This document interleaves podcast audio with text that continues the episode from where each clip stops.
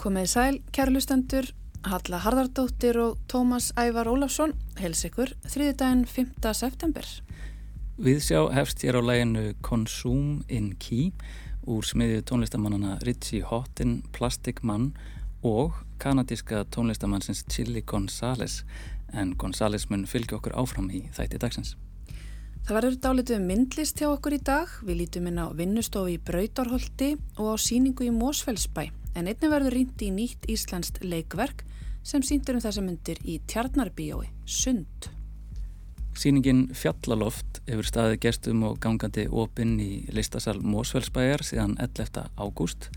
Sýningin er fyrsta engasýning Henriks Tjadvik Hlinssonar og samanstendur af landslagsmálverkum sem vega salt milli náttúru runnsæðis og impressionisma þar sem Henrik leytast við að gefa nákvæma eftirmynd af jöklum og fjöllum en miðla á sama tíma upplifun þess sem horfir. Henrik hefur undanferðin ástarfað sem fjalla leðsögumæður og byggir hann verkin af reynslusinni af starfinu.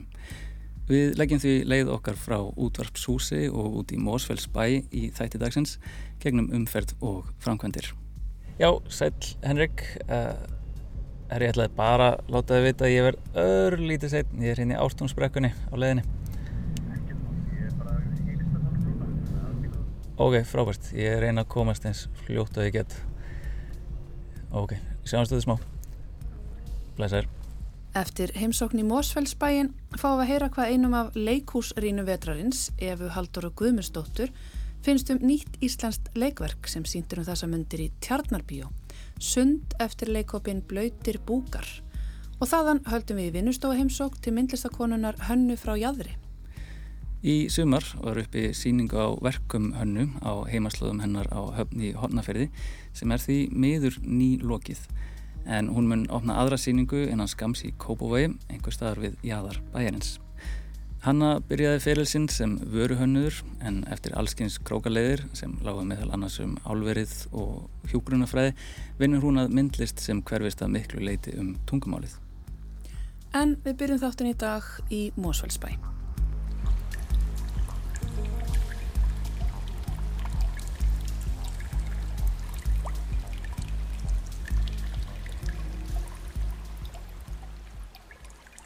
Ég er komin hérna niður í uh, listasal Moselsbæjar og stend hér á gólfi síningarinnar Fjallaloft úr smiðu Henriks Tjadvik Hlinssonar. Uh, þetta er málverkasíning á samt einu vídeoverki og, og hljóðverki. Uh, Henrik, getur þú sagt okkur aðeins frá þessar síningu? Já, velkomin á síninguna. Síningin uppbyggð frá fyrsta verkinu sem ég málaði og gengur svolítið hringin með sem sagt verkum sem ég hef málað bara eftir íslensku landslægi uh, sjálfur var ég leiðsumar í fjallarleiðsumar í tögið ár þannig að það er bara svona reynslan sem hefur lagt upp uh, svona formin og, og upplöðunana sem ég reyndi að festa á verkin. Og fyrsta verkið sem ég málaði var sem sagt í stormi. Og var svolítið svona eftir að hafa hort á nokkur Bob Ross-vídeó þá ákvæði ég að reyna á þetta en uh, tókst svona ágætli ja, meðan það var ekkert annað að gera í þessu blessaða stormi sem var í tvo sólarhinga minnstakosti og fyrsta verki heiti Hrafnin flýgur og síðan sett ég hérna upp síninguna með lokaverkinu sem er myndbatsverkið sem heitir Hrafnahellir og svona ja, er svolítið huglægt að, að þegar Hrafnin flýgur úr hellinum þá svona byrjar það á fyrsta verkinu og líkur síðan síningunni á hrafnahellina sem hrafnin átti mögulega heima en grunnstóðin mín er náttúra Íslands og það var náttúrulega bara jöklanir og mín upplifun á jöklunum sem læði svolítið upp þessa tilfinningu sem er á síningunni Fyrsta verki hérna sem við sjáum um, þetta, þetta er svolítið myrkur og, uh, og rapsform hvað er það gammal? Þetta málaði 2018 uh, í skaftafellið mitt og þetta var svona bara akkurat umhverfið á þessum tíma sem var um vetur þannig að það var ekkert meira viðæðandi en að hafa einn góðan gamlan krumma í, í verkinu en það er krummin svo gífurlega fallegur og, og sérst allstar á Íslandi Og uh, hvað erstu búin að vera leysugum aður lengi þegar þú málar þetta verk? Já, það var svona cirka svona sex ár, Sex ár. Og hvað, svona, hvernig er leiðin frá leiðsagnarstarbinu, leiðsagnferðamanna uh, yfir í það að mála myndir? Það er eins og ákveðin svona tákmál myndi ég halda. Eins og tjá, þetta er mikið tjáning mikið að, að fara með fólk og leifa því að upplifa íslenska náttúru. Í síningunni er ég raun og verið að gera það sama. Þetta er landslað sem við sjáum en hún, hún er hljóðlaus. Ég er ekki að segja hennar sögur ég er bara að tjá mig í gegnum pensilin í gegnum verki sjálft þessa, þessa upplifun þetta sem er ekkit endilega alltaf gluggaviður í mörgum ljósmyndum. Já, þetta er kannski mitt annar miðlunamáti og uh, en það er þegar maður sveipast um síninguna og byrjar að skapast uh, svolítið svona sterkur stíl á mörgum eða all, all flestum verkana þar sem þú ert að nota svolítið uh, hvíta rýmið eða tóma rýmið í rammanum til að ramma inn uh, landslag. Og þetta er eins og svona, ég veit ekki, litlir gluggar inn í landslagið. Hvernig um, maður sér nú svona eiginlega þróunina hérna ljóslifandi en svona hvernig, hvernig byrjar þessi rammi að vera til? Rammin byrjar að vera til eftir nokkur málverk sem ég málaði. Til að mynda þá málaði ég svona hefbendu leiðina þar sem að mála frá hotn upp í hotn og mér fannst rosalega áhugavert að fara alveg djúft inn í hlutina. Ég var búin að læra jarðfræði, jöklafræði, eldfjallafræði og þess aftur og, og skil mjög hvernig viðufar hefur áhrif á fjöll og, og, og svo framvegs þannig að þegar ég byrjaði að mála þá skiptaði mér mjög miklu máli að ég málaði ákveði gíl sem fæður minn fór ungur að smala í sem sást kannski endil ekki á málurkum frá Kjærval Kjærval málaði nokkur af skjaldbrið og pappi sagði mér alltaf sögu þegar hann fór í smalamennsku þar í hinn og þessu gíl eða eitthvað slíkt. Og mér fannst svo leiðilegt að geta ekki síða gílinn í málurkinu þannig ég vildi hafa allir þessi litlu smátri ég vildi vera vinu leiðsugumansins þar sem ég geti sest hérna niður með einhverjum sem vil fara upp á hrútfélagstinda eða snæfisjökul og við getum planað leiðina út frá málurkinu mm. þannig litlu smátrin skiptir mjög miklu máli í mínum hög en um leið og ég byrjaði að gera þau þá fór málverki að vera meira eins og eins og ljósmynd. Og í staðin þá vildi ég reyna að sína ákveðna tilfinningu, veðrið, vindin hvernig stundum kemur sandur framann eða þegar þú ert að horfa á gífulega fallet landslag. Eða það kannski kemur smá rigning þetta er svona, þetta er tilfinningin sem ég vildi reyna að grýpa sem, sem leðisöðum maður Já, maður svona grettir oft einhvern veginn augun eða svona pýrir þau gegn landsleina, þetta kannski tjáur það á einhvern hátt? Já, alveg klárlega og sérstaklega þetta er svo mikið áreiti í íslenski náttúrulega, það er ekki alltaf kjört við og þetta er ekki alltaf eins fullkomið og, og ef maður googlar íslenska náttúru á hérna, eða leitar almennt síðan myndum af íslenska náttúru þá sérðu oft allt svona í alveg fullkomnum maður hefur síðan hoppfólk verið að hoppa út í jökulár og þess að þú finnur ekki þessar kuldan. Mm. og það var það sem ég vildi reyna að setja inn í þessa upplifun á málverkarnum Og þau eru komin af stað einmitt hérna, við sjáum hér fyrsta verk og, og þetta er byrjað að þróast og það er farin að koma einmitt þessi svona sterka mynd á og við erum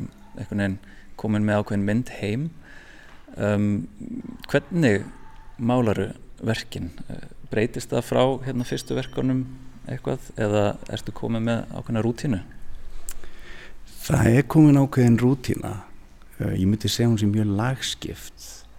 Ég byrja á ekkert ósvip á því að byrja á bakgrunni þá byrja ég á að búa til ákveð vandamál á stregan og það er ekki fyrir en vandamálið fara að taka á sig ákveðna mynd sem er einmitt þessi, þessi för og, og allt í kring. Þá reynir ég að horfa á þetta silhouette sem ég myndi kalla þegar þetta er komið í svona ákveð silhouette form þá reynir ég að tengja við stað sem ég farið á áður í alls konar aðstæðum. Þannig að ég sé til dæmis allt innu fjall fyrir mér í þessu umhverfi sem er komið á stregan og þá sé ég allt innu, ó já, toppurinn fjallinu hér. Og leiðin upp er hérna. Og hérna kemur lítill foss frá því. Allt þetta sé ég bara út frá reynslunni og hvað, hvað vandamál ég bygg upp í raun og veru á streganum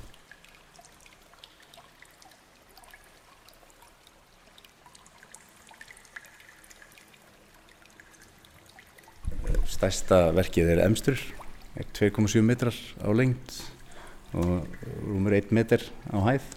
En uh, þetta er einu ólíuverkið sem ég hef málað og ákvað að fara bara í stærsta í leiðinni fyrst maður var að gera þetta.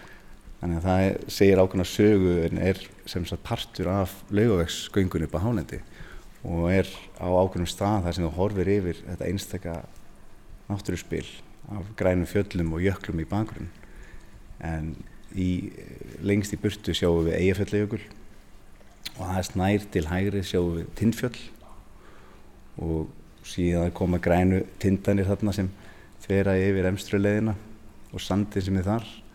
Áhugaverð þess að fara líka. Hún er mjög krefjandi fyrir marga því hún er svo laung og flött það eru margi sem alveg gefast upp þar frekar en í hæð eða upp brekkur eða niður brekkur. Það er magna hvað fólk þetta tekur á hjá þeim sko. og síðan er næst við okkur er Stórósúla sem er aðal stærsta fjallið á verkinu sjálf Já, þetta er mikið, mikið eðiland en uh, já, við getum fengið til að segja maður aðeins frá líka síðan rammanum og svona hvernig, hvernig þú rammar þetta?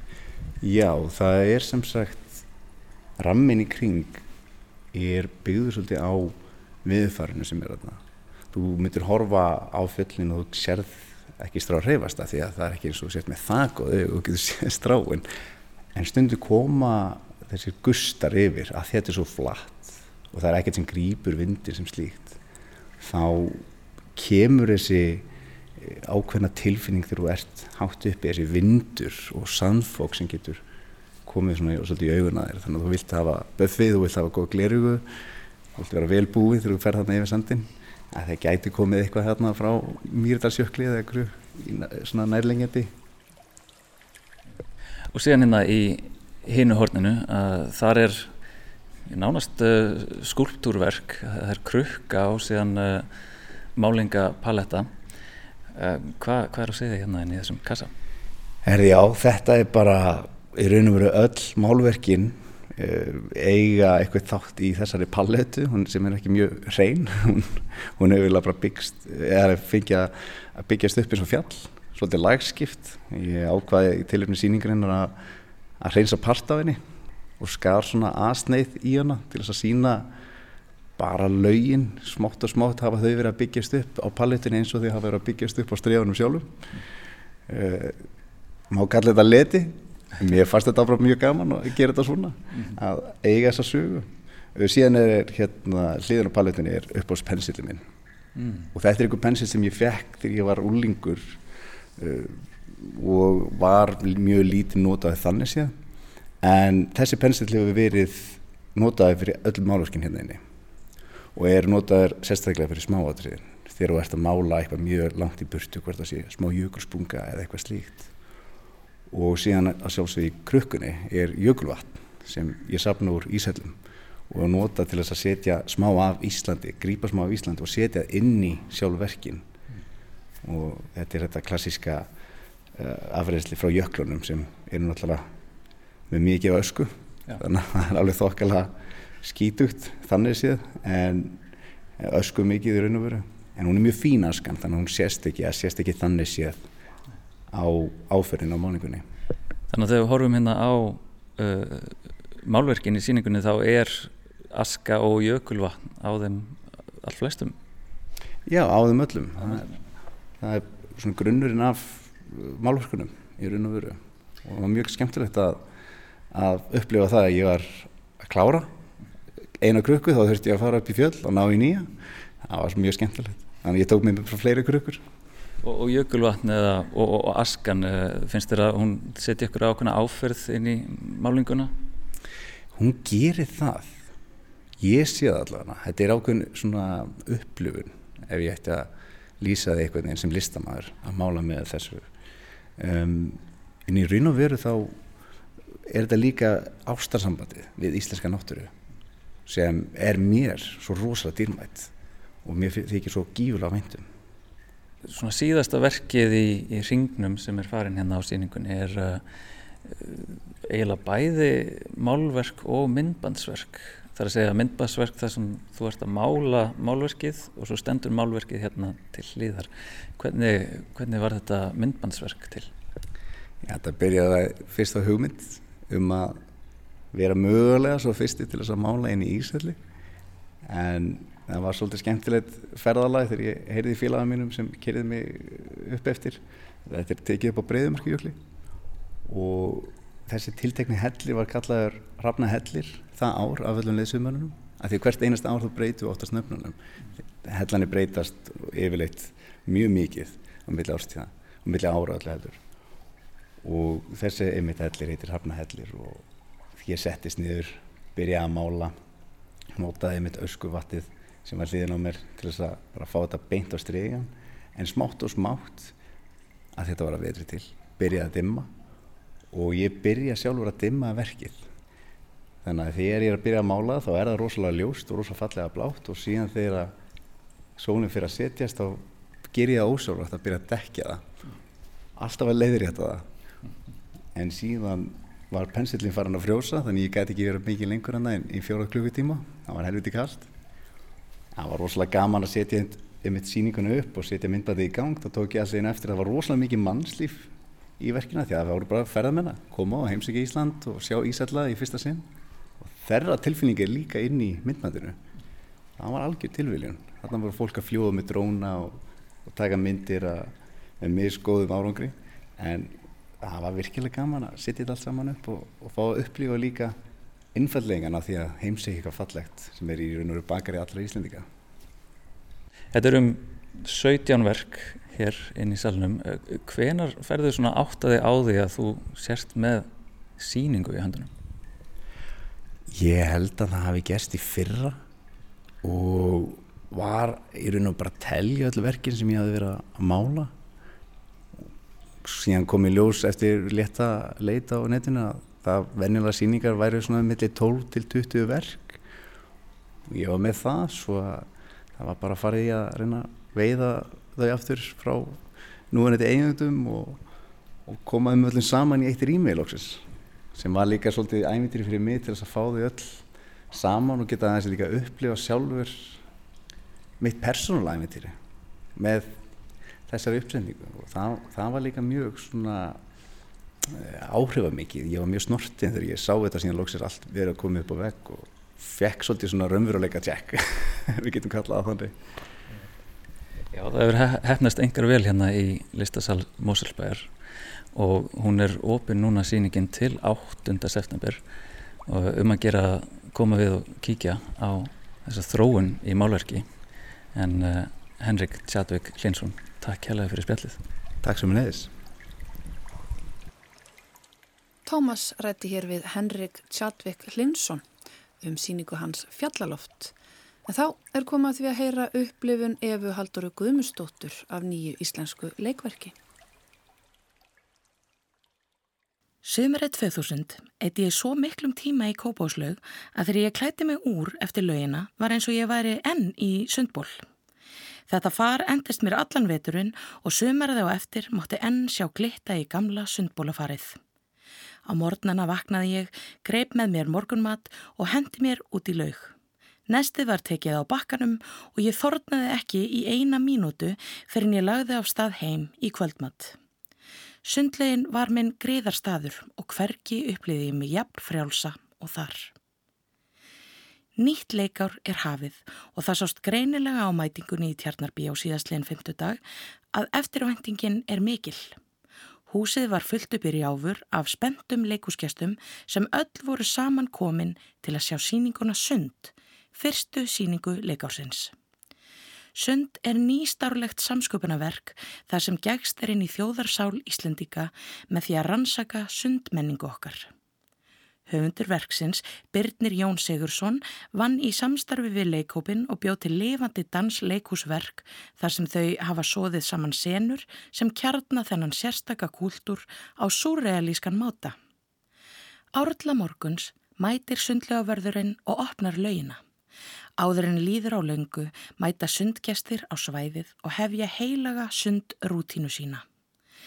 Við fylgjumst með gömlum vinkonum endur nýja kynni sín. Einstæðum föður daðra í pottinum, túristum heitlast af íslenskri menningu, þá allra hörðustu fari kaldapottin í fimbulkulda og úlingum þykra sér feimnislega saman á bakkanum. Verkið er samsöða af dans og leikverki og eru leiknar senur verksins tengdar saman með dansi þar sem einn ímsu augnablík sem eiga sér stað í lögum landsins eru tekin fyrir og tjáð með líkamannum. Tegjurnar á bakkanum breytast í glæsilegan sundballett og sundgestir ímist stinga sér til sunds eða spjalla á daðra í pottinum. Þegar gengið er inn í salin blasir sundlög við áhórandunum. Já, þið heyrður rétt, lítil sundlaug, heitur og kaldurpottur, stökkpallar og sundlaugavarðar törn. Leikmynd og búningar Kristins Arnars Sigurssonar eru glæsileg. Leikmyndin er eins nálagt raunveruleikanum og hægt er að fara á sviði í leikúsi og skapa hordrétt kassalega formin, skemmtilega spennu í andstæðu við absúrt stíl sumra senana í verkinu. Ekki skemmti fyrir að lýsing fjölnis Gíslasonar rammaði leikmyndina vel inn og gerðana ævintýrarlega og íkti vel senurnar þegar þær skipta á raunsægi yfir í surrealisma. Líkt á leikmyndin spilaði hljóðið í verkinu stóra röllu í upplifin áhorfanda. Tónskaldið Fridrik Margreðar Guðmundsson sá um tónlist og hljóðmynd jafnframt því að vera á sviðinu í hlutverki sundlegavarðar. Fridrik vann vel með andstæða stíla og margbreytileg tilbreyði. Hljóðmyndin auðgaði og dýfgaði skinnjun áhörandans til dæmis þegar vaskull hljómaði undir senum, smög það inn í undirmeðvitundina og ég var á tímabili vissum að ég fyndi klórlikt. En á öðrum stöðum notaði Fridrik gerfilegt skvampljóð þegar leikendur stungu sér til sunds og vakti það einstaka kátinu áhöranda. Tónlistin var í alls konar stílum allt frá klassískri tónlist yfir í dundrandi danstónlist og þjónaði fjölbreytnin verkinu vel. Kemistri af flytjandana var nánast áþreifanleg. Öll geysluðu þau af krafti á sviðinu og mætti segja að þarna sé saman komið algjört dundur teimi. Þau Andriðan Sigurkirsson, Erna Guðrún Frittsdóttir, Eikló Hilmarsdóttir, Kjartan Darri Kristjánsson og Þóri Birgisdóttir njóta þessi botn að vera á sviði og leikleði þeirra er afar smitandi. Ekki skemmir fyrir hvað þau eru öll spauileg og keppast um að vera hvert öðru fyndnara og grýpa komískar tímasetningar. Dansatnir í verkinu voru dásamlegir. Andriðan Sigurgersson er afskaplega hæfilegaríkur danshöfundur og greinilegt að samvinna hans og leikhöpsins var gjöful. Dansatnir voru heldur betur vel æfðir, flekklaus humorísk augnablík nýtt til að gleði áhrandan og djarvar og gullfallegar myndir dregnar upp á sviðinu. Hann Birnir Jón, leikstjóri og höfundur sunds, hefur einstaklega næmt auga og er verkið sjónræn listisemd. Í upphafi fylgjumst við með sundlegarverðinum opna laugina líkt og í sundlegarvarðar sinfoníu þar sem hann stilti strengina fyrir daginn og undirbjó áharfandan vel fyrir surrealískan stíl verksins. Byrnir notar ekki einungis myndlingingar í orðum, heldur sínir hann okkur sundgestina byrtast einn af öðrum eins og fiska á landi og vísar þannig í þróunar kenningu darfins og þá líkamlegu upplifun að fara í sund. Barn er skýrt inn í íslenska sundmenningu í ungbarnasundi og úlingar að ferðast í kóriógrafaðri fiskitorfu um sviðið og berjast við að hilja líkamassinn og óörgi. Þessi húmorísku augnablík eru stórkosleg og bersinilegt að byrjunir á öðveld með að nota húmor til afhjúpunar. Áhörfundur njóta þess að spekla sig í þessum lýsandi og nittnu senum. En þrátt fyrir að verkið sé fyndið og skemmtilegt hefði mátt vinna betur með leiknu senurnar. Annarkort hefði þurft að stýta þær, brjóta þær oftar upp með dansi eða hreinlega að vinna þetta einungis sem dansverk. Ætlunin hefur verið svo að endurspegla stillilegar pottastundir en taktur þeirra virkaði ekki betur en svo að þær urðu sumar heldur langdregnar. Innihald leiknu senana var ekki næla stert til þess að réttleita plássið sem þær tóku en þær virkuðu vel í andstæðu við surrealisma dansinana þar sem þær voru mjög eðlilegar og gætu verið kliftar úr vestubæluinni. En lengt þeirra stöðvaði flæðið og hægði taktin í síningunni. Það hefði þurft að vinna betur með sumar personurnar sem og viðveru sundlegavarðarins. Nærvera hins almenna sundlegavarðar er kannski ekki mjög fyrirferðamikil í raunverulegum sundverðum. Fredrik flutti tónlistina vel og virkaði vel að hafa hann á sviðinu þegar tónlistin var lifandi og tilkynningar komi í kallkerfinu. En þess á milli var hann eins og hver annar áhorfandi. Túristatnir í verkinu urðu kaldhæðnar skopstælingar af heimskum túristum sem kunna ekki óskrifiðu reglurnar í lögunum og þótt að þau veru fyndin voru þau eins og pappabrandari sem var aðeins og langur. Þó svo að ég hafi upplefað frelsi í sundi sem barn, þá fjarlæðist ég sundmenninguna á úlingsárunum. Óöryggi mitt með líkama minn kom í veg fyrir að ég gerði það sem mér þótti skemmtilegast. En sund hefur þennan yfirnáttúrulega eiginleika að tengja líkama og sál. Ekki leið á löngu þar til laugin kallaði mig aftur heim og þá varð sundmenningin mín helsta þerapía og leið til að taka líkama minn í sátt. Sýningin sund er fyrst og fremst skemmtileg og heiti mig beint í hjartastað, í stað þess að vera hápolítisk ádela eða afhjúpun. Hún verður ákveðin lýsing eða útlistun á því hvað sund gerir fyrir Íslendinga. Hún er bráðfindin og auðmeltanleg rannsókn á þessu sér íslenska fyrirbreyði. Sundið er nánast heilagt rými þar sem manneskjur tengjast sjálfum sér, öðrum og náttúrunni. Þessi síning fangar nautnina við það að fara í laugina og verður því næstum líkamleg upplifun. Sýningin sund umvefur mann mjúglega og skila manni glöðum, heitum og endurnærðum út. Eva Haldóra Guðmundsdóttir sagði sína skoðun á leikverkinu Sund sem sínt er um þessar myndir í Tjarnabíói. En þá líkur leið okkar á vinnustofu í Brautarholti. Já, nú lítum við inn á vinnustofu myndlistakonunar Hönnu frá Jæðri. Í sumar var uppi síning á verkum Hönnu á heimaslöðum hennar á höfni Hotnafyrði sem er því miðin í lokið en hún mun opna aðra síningu innan skams í Kópavogi, einhver staðar við Jæðar bæjarins, sagðan mér. Hanna byrjaði ferilsinn sem vöruhönnur en eftir allskynns krókaleiðir sem lágu meðal annars um álverið og hjúkurnafræði vinnur hún að myndlist í dag sem að hverfist að miklu leiti um tungumálið. Á síningun og höfn var að finna máluskildi með orðum, setningum og máltækjum sem er litlum tilfæringum opna á óvænt hugreiningatengsl og nýja merkingu. Það mætti segja að skiltin séu eins konar örljóð þar sem að listakonan segir mikið með sem fæstum orðum. Lítum í heimsóttil hennar.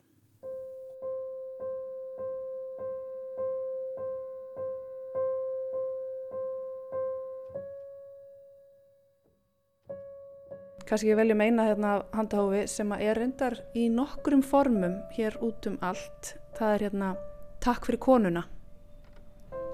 Þessa, hún kom fyrst bara, ég prjónaði hana húfu og prjónaði hana á són minn á sjálfsögðu og hann skoppaði með þetta um og hérna, já hún er bara, hún er bara gengið ágjörlega upp sko.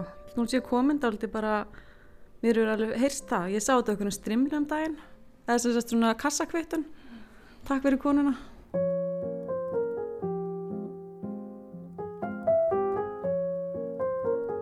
Þá er ég komin hér inn á ansi skemmtilega vinnustofu Hanna frá Jæðri Takk fyrir að taka mútið mér.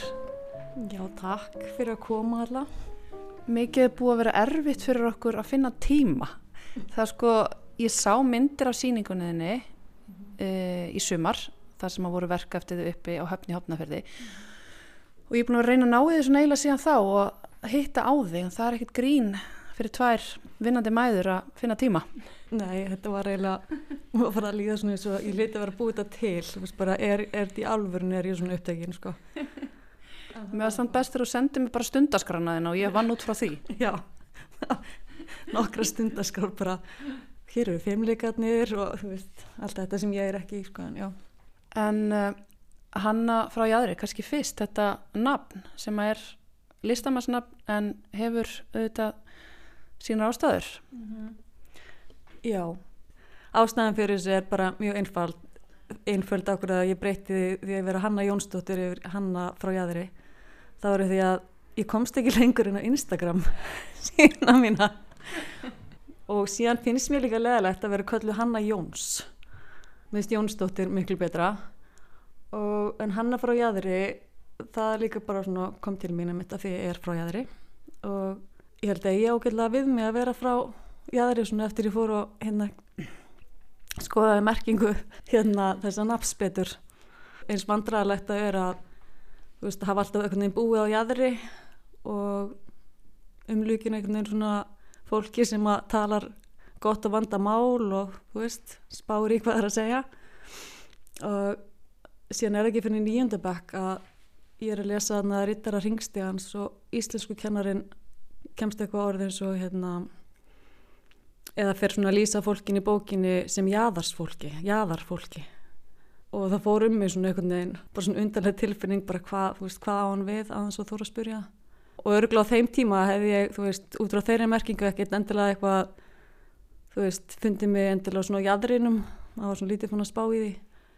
En ég, eftir því sem árin færast yfir þá, þá hérna verður ekki hjá því komist að vera bara svolítið á jæðrinum og frá jæðri Við hvaða jæðar var þessi bær?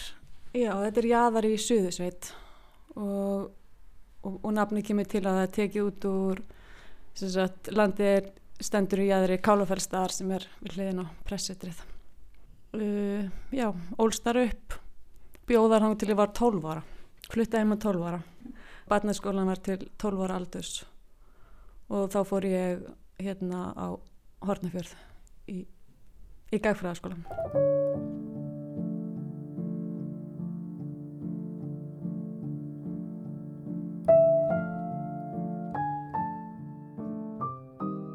Segð mér svona hvena byrjaður að þú sérst lærir hönnun, þú ferð ekki bara í barnaskóla að heimann 12 ára, svo ferðu þannig út í nám, ég veit þú lærir hönnun í Hollandi.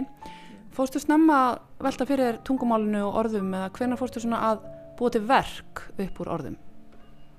Sko, ég var aðeins búin að spá í þessu mitt hvenar ég fór að spá í bara svona í meistaranáminu mínu núna, ég lærði listkenslu, fór ég aðeins að reyna að fara yfir, þú veist, þessa leið sem ég er sem búin að velja mér sem var hansi, hansi alls konar, ég menna ég þegar ég fór í nám í Hollandi þá var ég búin að vera semst, að vinna í álverðinu í Strömsvöki í tvö ár.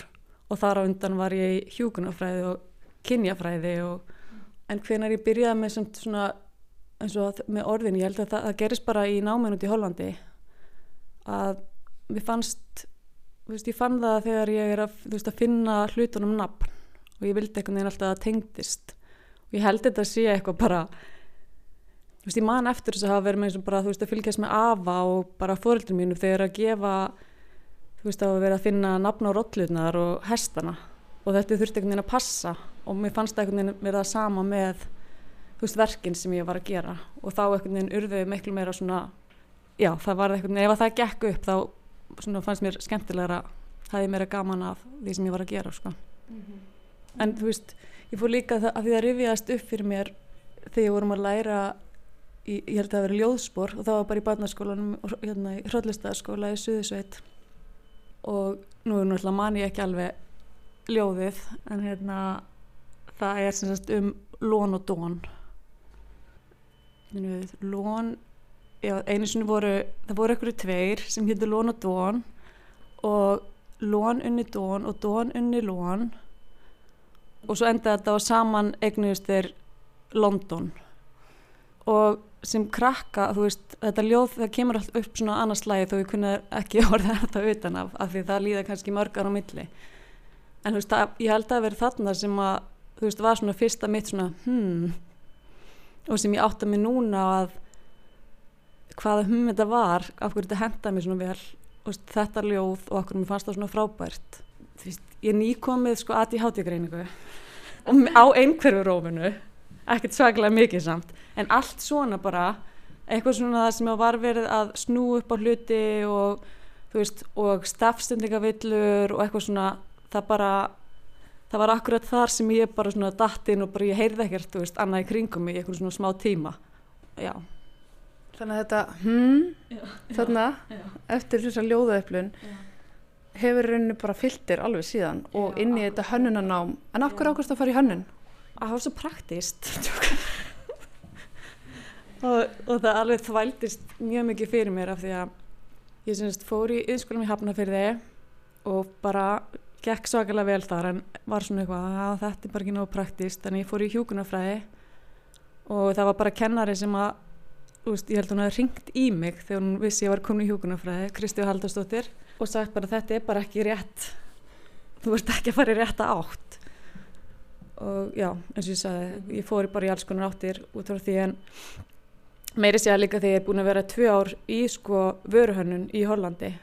Og það kom nákvæmlega til út af því að ég þekkti bara einn mann sem að hafi farið eitthvað, veist, í eitthvað sem heitir hönnun. Og hann hérna hafi verið í sveit á næsta bæ í Suðursveit. Og ég bara hafi sambandi við hann, fór upp í össur að heimsækja Pálma sem staði mig frá þessum skóla og ég bara sóttum þar. Það var einhvern veginn, þú veist, og ég bara kem beint af einhvern veginn súrálspílnum inn í þetta nám, aðeins eldri en hinn í nefndundur og já, það var svona einhvern veginn þannig. En eins og ég segi, það var bara, ég var búin að vera þar í tvö ár og er með kynningu og það var allt svona, þú veist, ég var með fiskabúr þarna inni, það áttu að vera búið til einhverju svona uppstillingu, þú veist, í glukka og ég var með fró, var búin að þrista allt í búrinu og það var einhvern veginn átt að vera bráðunandi fötar inni og þetta var svona en allavega, og allt var einhvern veginn svona bara hjá mér og, og kennararnir eins og þau sögðu bara eitthvað við, elsk, bara, við elskum allt sem ert að gera í hana en þú ættir samt að aðtöfa kannski með rítvöld þú veist bara en ég held bara áfram bara, þú veist Já. praktískara.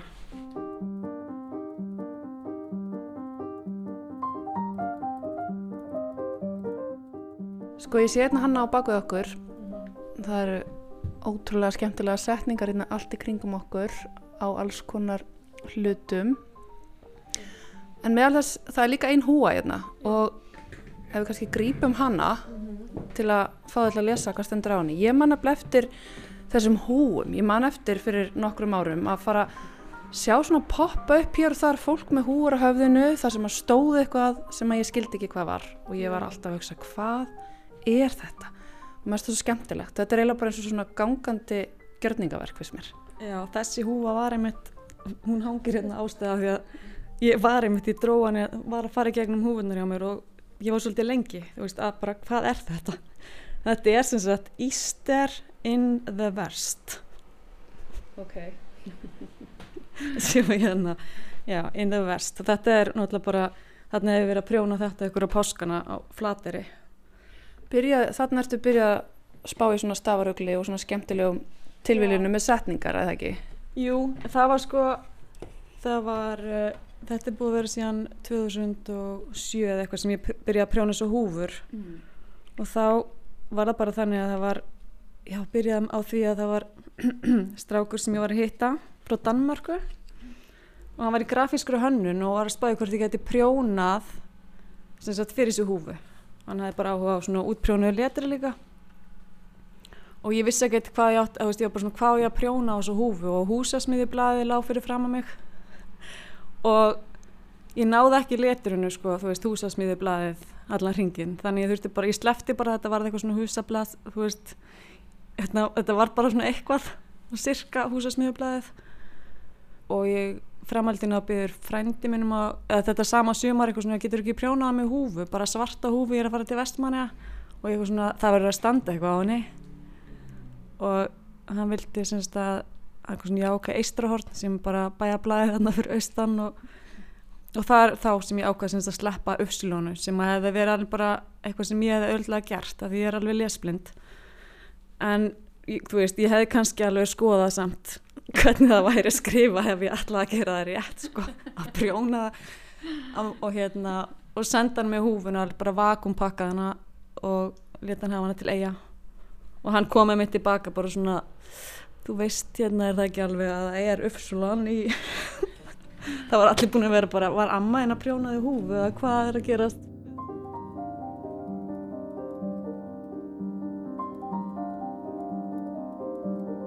prjó, þú veist, prjónaða þær bara uh, í, í allavega svona tíu ár. Við, allavega, við áttum tíu ára amæli þegar við vorum í hönnunasafninu. Um, og þær voru bara svona síðan fann ég það svona með húfunum að þú veist, fyrst var alveg gaman að gera bara svona sleppastöðum og eitthvað, en síðan var þetta orðið einmitt, síðan var þetta orðið eins og eitthvað hálfgerð bara, hvað heitir þú veist, þetta japanska þú, það er ekkert svo margir stafir sem komast sko ringin í kring á húfu.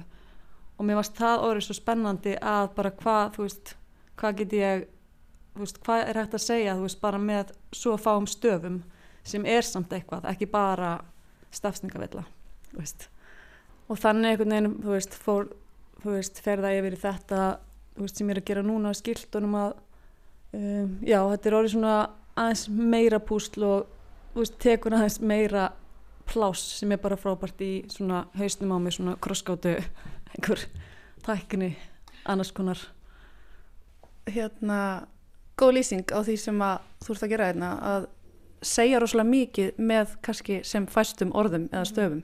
Já, Afi, Afi tók ekkert tíma alveg eftir hvað við sýstunir eru ólíka með það hvað hún er góðað í því að tala lengi og mikið. Og ég er ekki eins skoði og við vorum ekkert múin að ferðalagi saman við þrjú og, og hann, hann horfið svona á mig aðeins í glasi sko og er svona hérna Hanna mín, hvernig er deila með þið? Ert þú ekki nógu góði að koma að þér orði eða?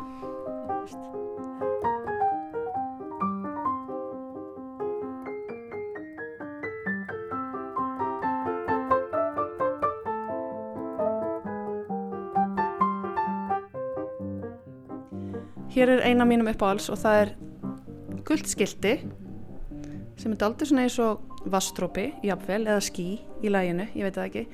Og á það er letrað ljós bláum stöfum tíminn og vaknið. Já, þetta var bara svona einmitt hérna, eitthvað sem ég er að rýna í eða hugsa um. Þetta ljóð og tíminn og vaknið, mér fannst það bara einhvern veginn já það kom bara til mér þetta veist, tíminn og vaknið af því að e, þú veist, út af þetta umræðinni eins og um vatnið og tíman og mm -hmm. litla tíman og allt þetta þannig að mm -hmm. Hérna, það eru alls konar þræðir hérna, Já. svona það sem er í okkar samtíma, mm -hmm. þú grýpur eitthvað úr umræðinni Já. og mér sínist þú kannski, þú veist, það eru svona svona málefni úr samtíma okkar líka eins og að hafa lítinn tíma kannski og, og hafa mikið að gera eins og við komum stað þegar við vorum að reyna að hittast. Mm -hmm. uh, tímin og vaknið geti líka átt við það þess vegna. Yeah fólk vil bara fá að vera í fyrði mm -hmm. afsægið þetta lítiræði Já. hér sér fyrir mér bara konu sem búið að saga höndin af. Já. Já, þetta er mér fannst þetta bara afsægið þetta lítiræði sko. Þessi setning bara hún ætti held ég ekki að vera að mínum að þetta öðruvísi sko í dag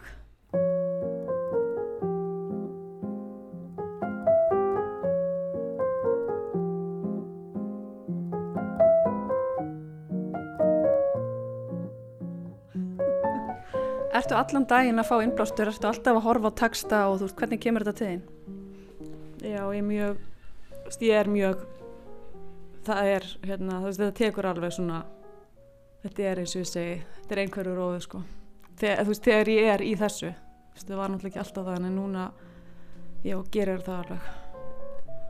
Þetta er svona, þú veist, það er alltaf einhvern tíma sem þetta tekur auðvitað er ekkert áriði fyrir því að vera að lesa bara bækur, ert ekki alltaf að búa til eitthvað upp úr orðan það ég sé fyrir mig svona já, já ég er að rey, þú veist, ég er hægt samt að vera með skissubókina, þú veist, við liðan á bókunum Aha. já. Ég var mikið að svona, veist, líma post-itinn í það var áður en ég byrjaði á þessu en veist, ég hefur bara alltaf verið þannig, veist, með texta. Og og þú veist, það vafðist alveg bara lengi ég byrja ekki að lesa bækur fyrir en, eh, í íslensku 403 þanga til var ég bara svona að spyrja alla um hvers bók, hvernig kemst ég gegnum þetta próf hérna, hvað þarf maður að vita. Síðan var ég með frábæran kennara í íslensku, semst í fjölbröti ármúla. Blessu sér minning hans hann heit Kristján. Við vissum að heit Kristinn þetta er lesblindan sko. Mm. en hann var frábær og hérna, hann einhvern veginn hann las mér bara, hann rétt mér bók. Sá að ég var ekki fara að lesa hana. Nema hann segir sem sagt takt eftir litunum í bókinni. Og þetta er fyrsta bókin sem ég las. Svona bara þú veist bara, já ég las hana og skrifaði sem sagt um litina í bókinni já þannig að ég hugsa ég hef alltaf, þú veist, ég þurfti greinlega eitthvað aðra leiði gegnum texta mm -hmm. Hanna, þú ert búin að segja mig frá því hérna hvernig svona þín leið fór óvart inn í myndlistina Já. með alls konar beigjum Mm -hmm. í gegnum álverið og hjúkurnafræði og til Hollands og En þú hefur ekki alveg sagt skili við samt vörun eða hvað?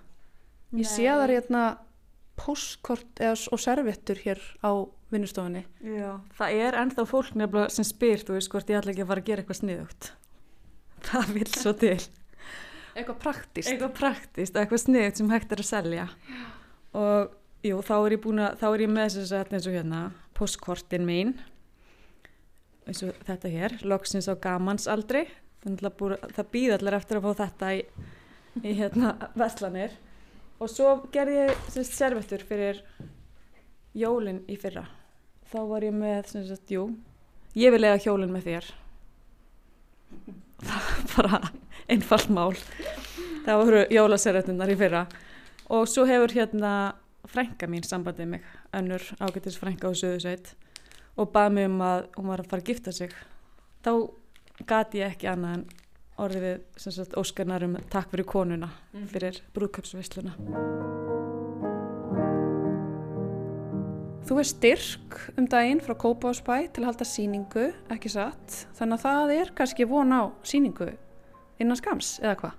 Já, ég er svona, ég er búin að negla það niður hvað ég ætla, hvað ég, hvernig ég ætla að takast á við þetta verkefni og það verður núna í oktober og mun byrtast bara, ég er ekki komin eitt svona fastan síningastað en ég lofaði þeim að þetta er svona út í aðri Kópavox.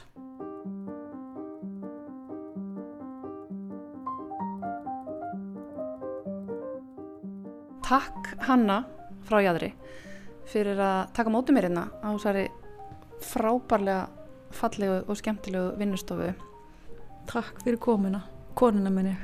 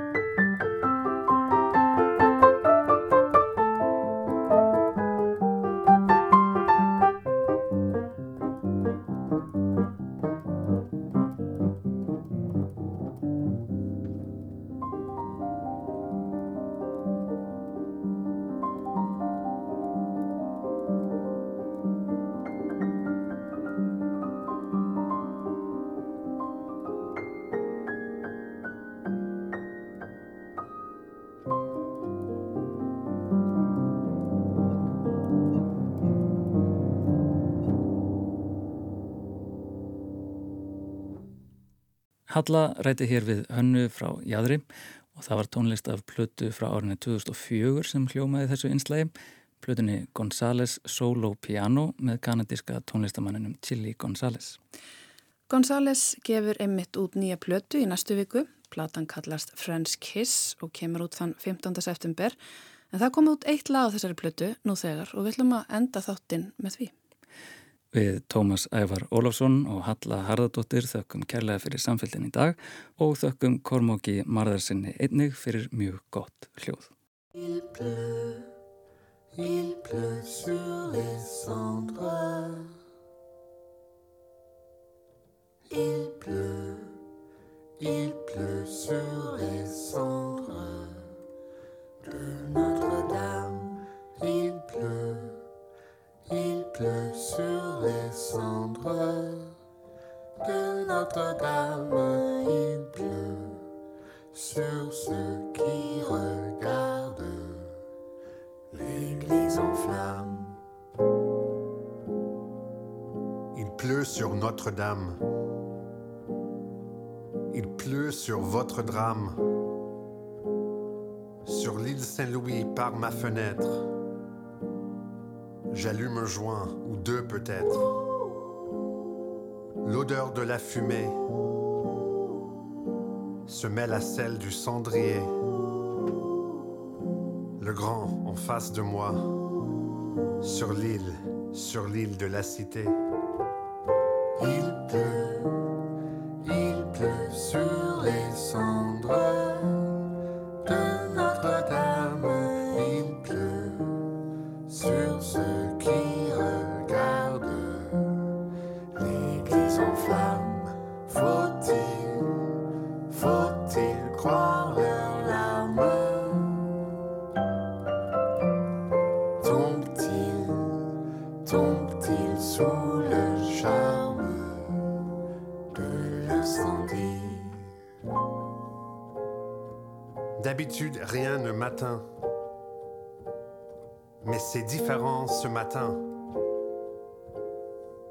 Je pense alors à tous ces prêtres qui en ce moment cessent de l'être. Qui a allumé la mèche? Qui a fait tomber la flèche de bois, de plomb, à travers la nef, d'où tombent les gargouilles en bas-relief?